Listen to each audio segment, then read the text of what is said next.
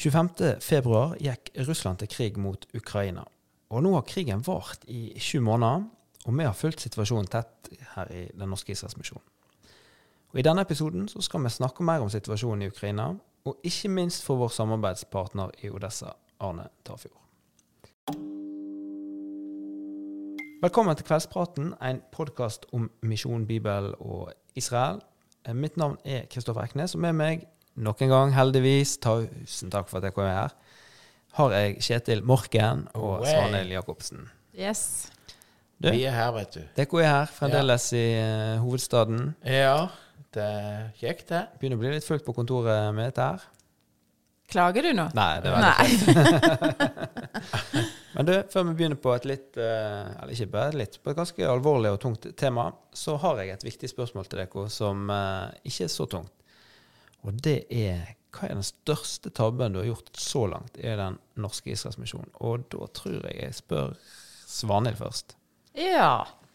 Nei, eh, største tabben Kall det hva du vil. Jeg eh, har jo vært så heldig å få delt kontor med Vegard, vår kjære generalsekretær, eh, fram til i sommer.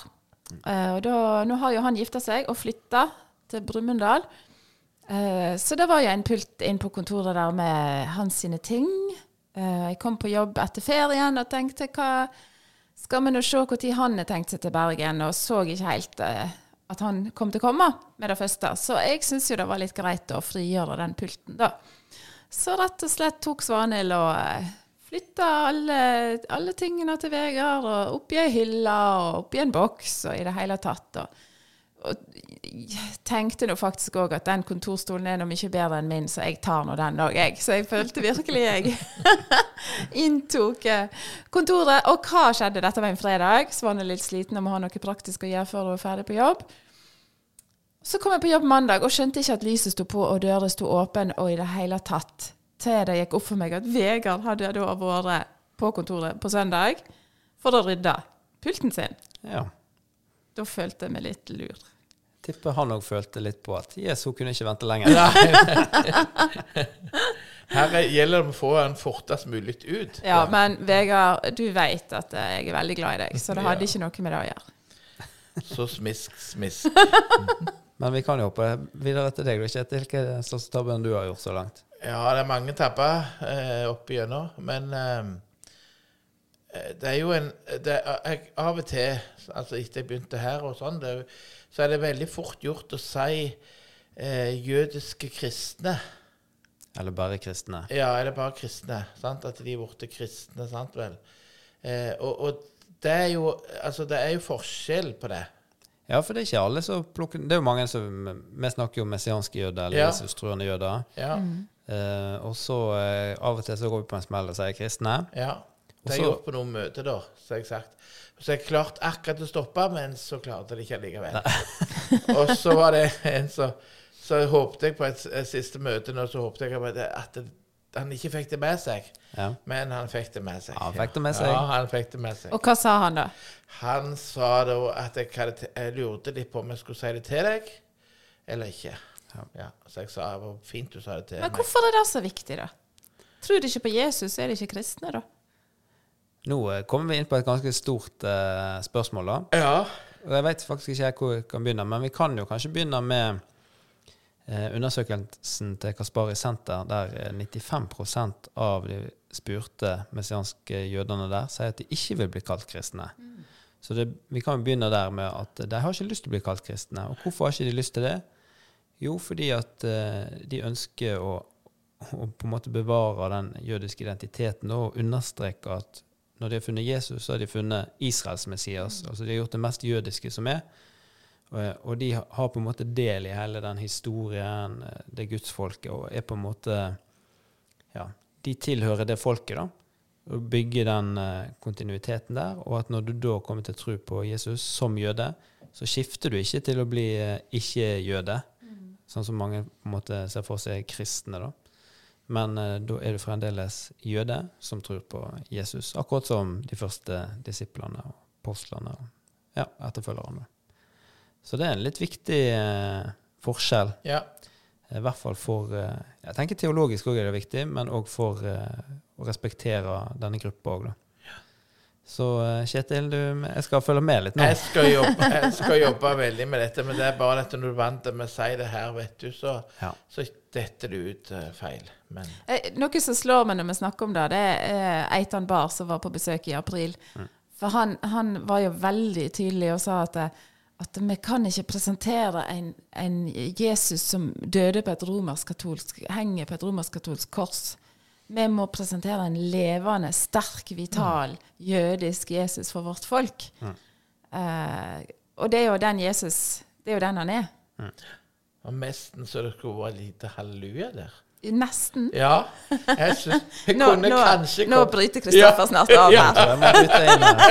Kjenner jo her at vi er fra forskjellige kirkesamfunn. Ja. Så da får lutheraneren bryte inn. Nei da. Det er halleluja. Har du gjort noe galt, da? Eller Nei, aldri. ja. Eh, Hender det at du gjør noen tabber, eller? Du, det har skjedd flere, men den første jeg tenkte på, den uh, er ganske grov, potensielt. Oi, nå ble du veldig Ja, ja, eh, spent. Sett ansiktet til Kjetil. Dette gleder jeg meg til å høre. Ja. Nei, du, vi hadde jo, når korona kom, så hadde vi jo livesending minst én gang for dagen. Det var jo helt eh, bananas. Og vi sto på og fyrte ut, og stort sett så var det jo jeg som lasta bare opp og sendte det på Facebook, mens det var andre som hadde lest inn andakt eller sånn. da. Men så tok jeg på meg jeg lurer seg var et par andakter inni der. Og jeg skulle snakke om eh, om eh, første Mosebok kapittel 12 vers 3. Holdt det på å si feil nå? Nå holdt jeg på å si feil. Fordi eh, jeg var i hvert fall en helt annen plass, tror jeg, i hodet og var sliten.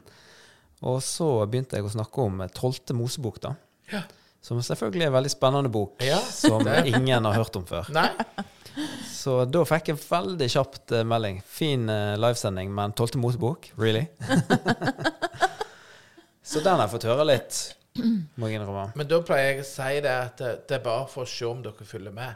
Ja, Du kunne klart å få den inn, kanskje. avslører litt at en ikke følger med sjøl. Ja, ja, det stemmer det. Men det var i hvert fall første Mosebok, kapittel 12, vers 3. Jeg hadde Men, tenkt. men du har jo skjønt da, Kristoffer, at hvis vi trenger hjelp sånn med å komme oss ut av eh, litt kinkige situasjoner, så har vi jo en veldig dyktig Selger. selger her, ja.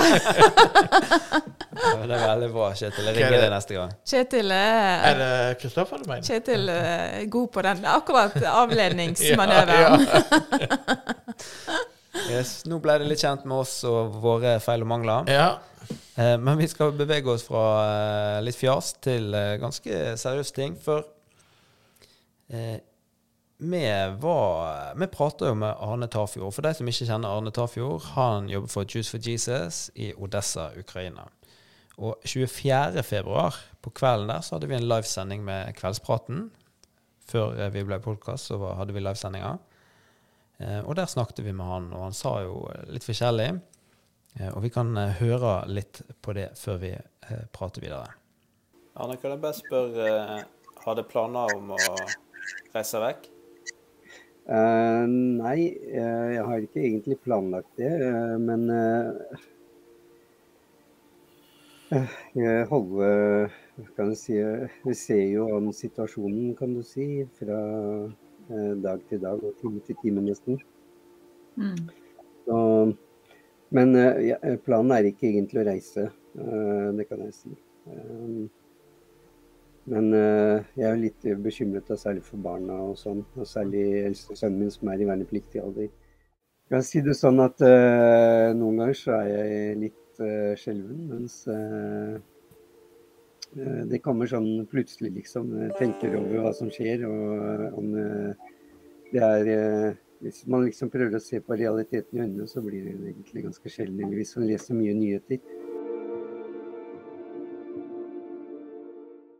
Det var fra den sendingen med Arne Tafjord, og eh, det var en veldig sterk eh, Jeg husker i hvert fall den morgenen. Jeg vet ikke om jeg husker den morgenen etterpå, men eh, når vi ser nyhetene og eh, første jeg gjorde, var å sende e-post og SMS og alt til Arne og hørte hvordan det gikk, og fikk ikke svar.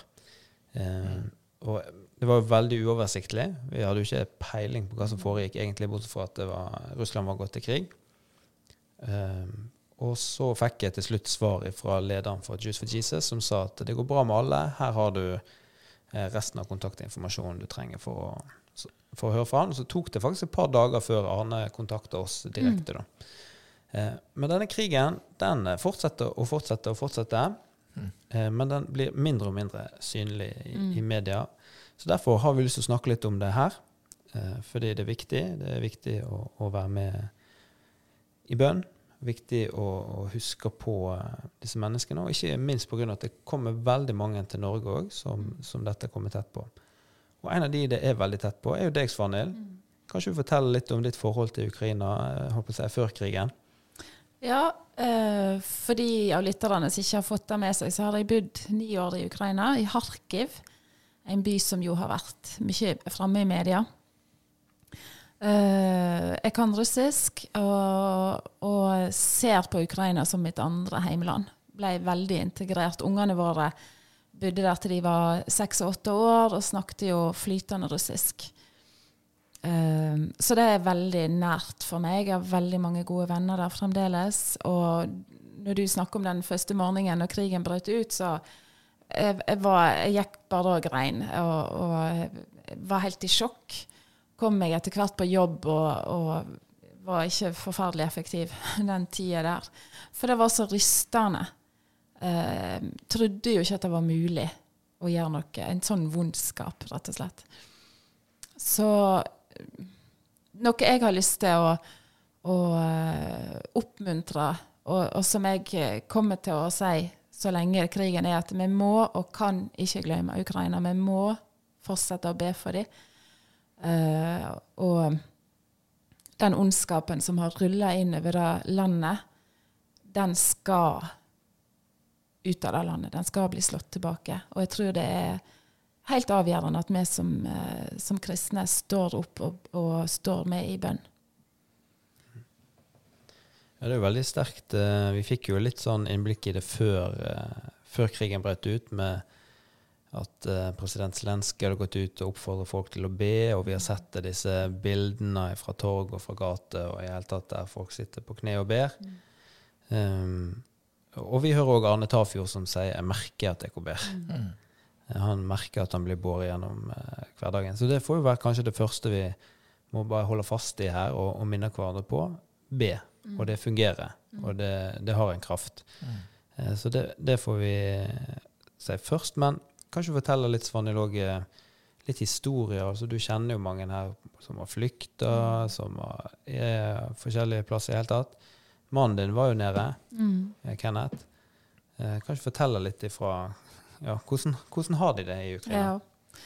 Uh, Kenneth var nede sammen med, med en medpastor i, uh, i Kredo, fra Kredokirken. De var nede i juni og besøkte Var faktisk i Harkiv, i Dnipur, uh, i Poltava.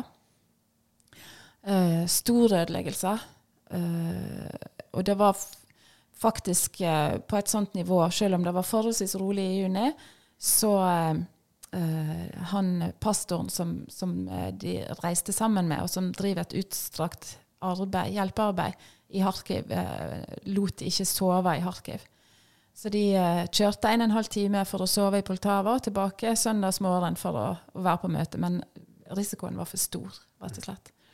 Det, og, og det har jo blussa veldig opp igjen.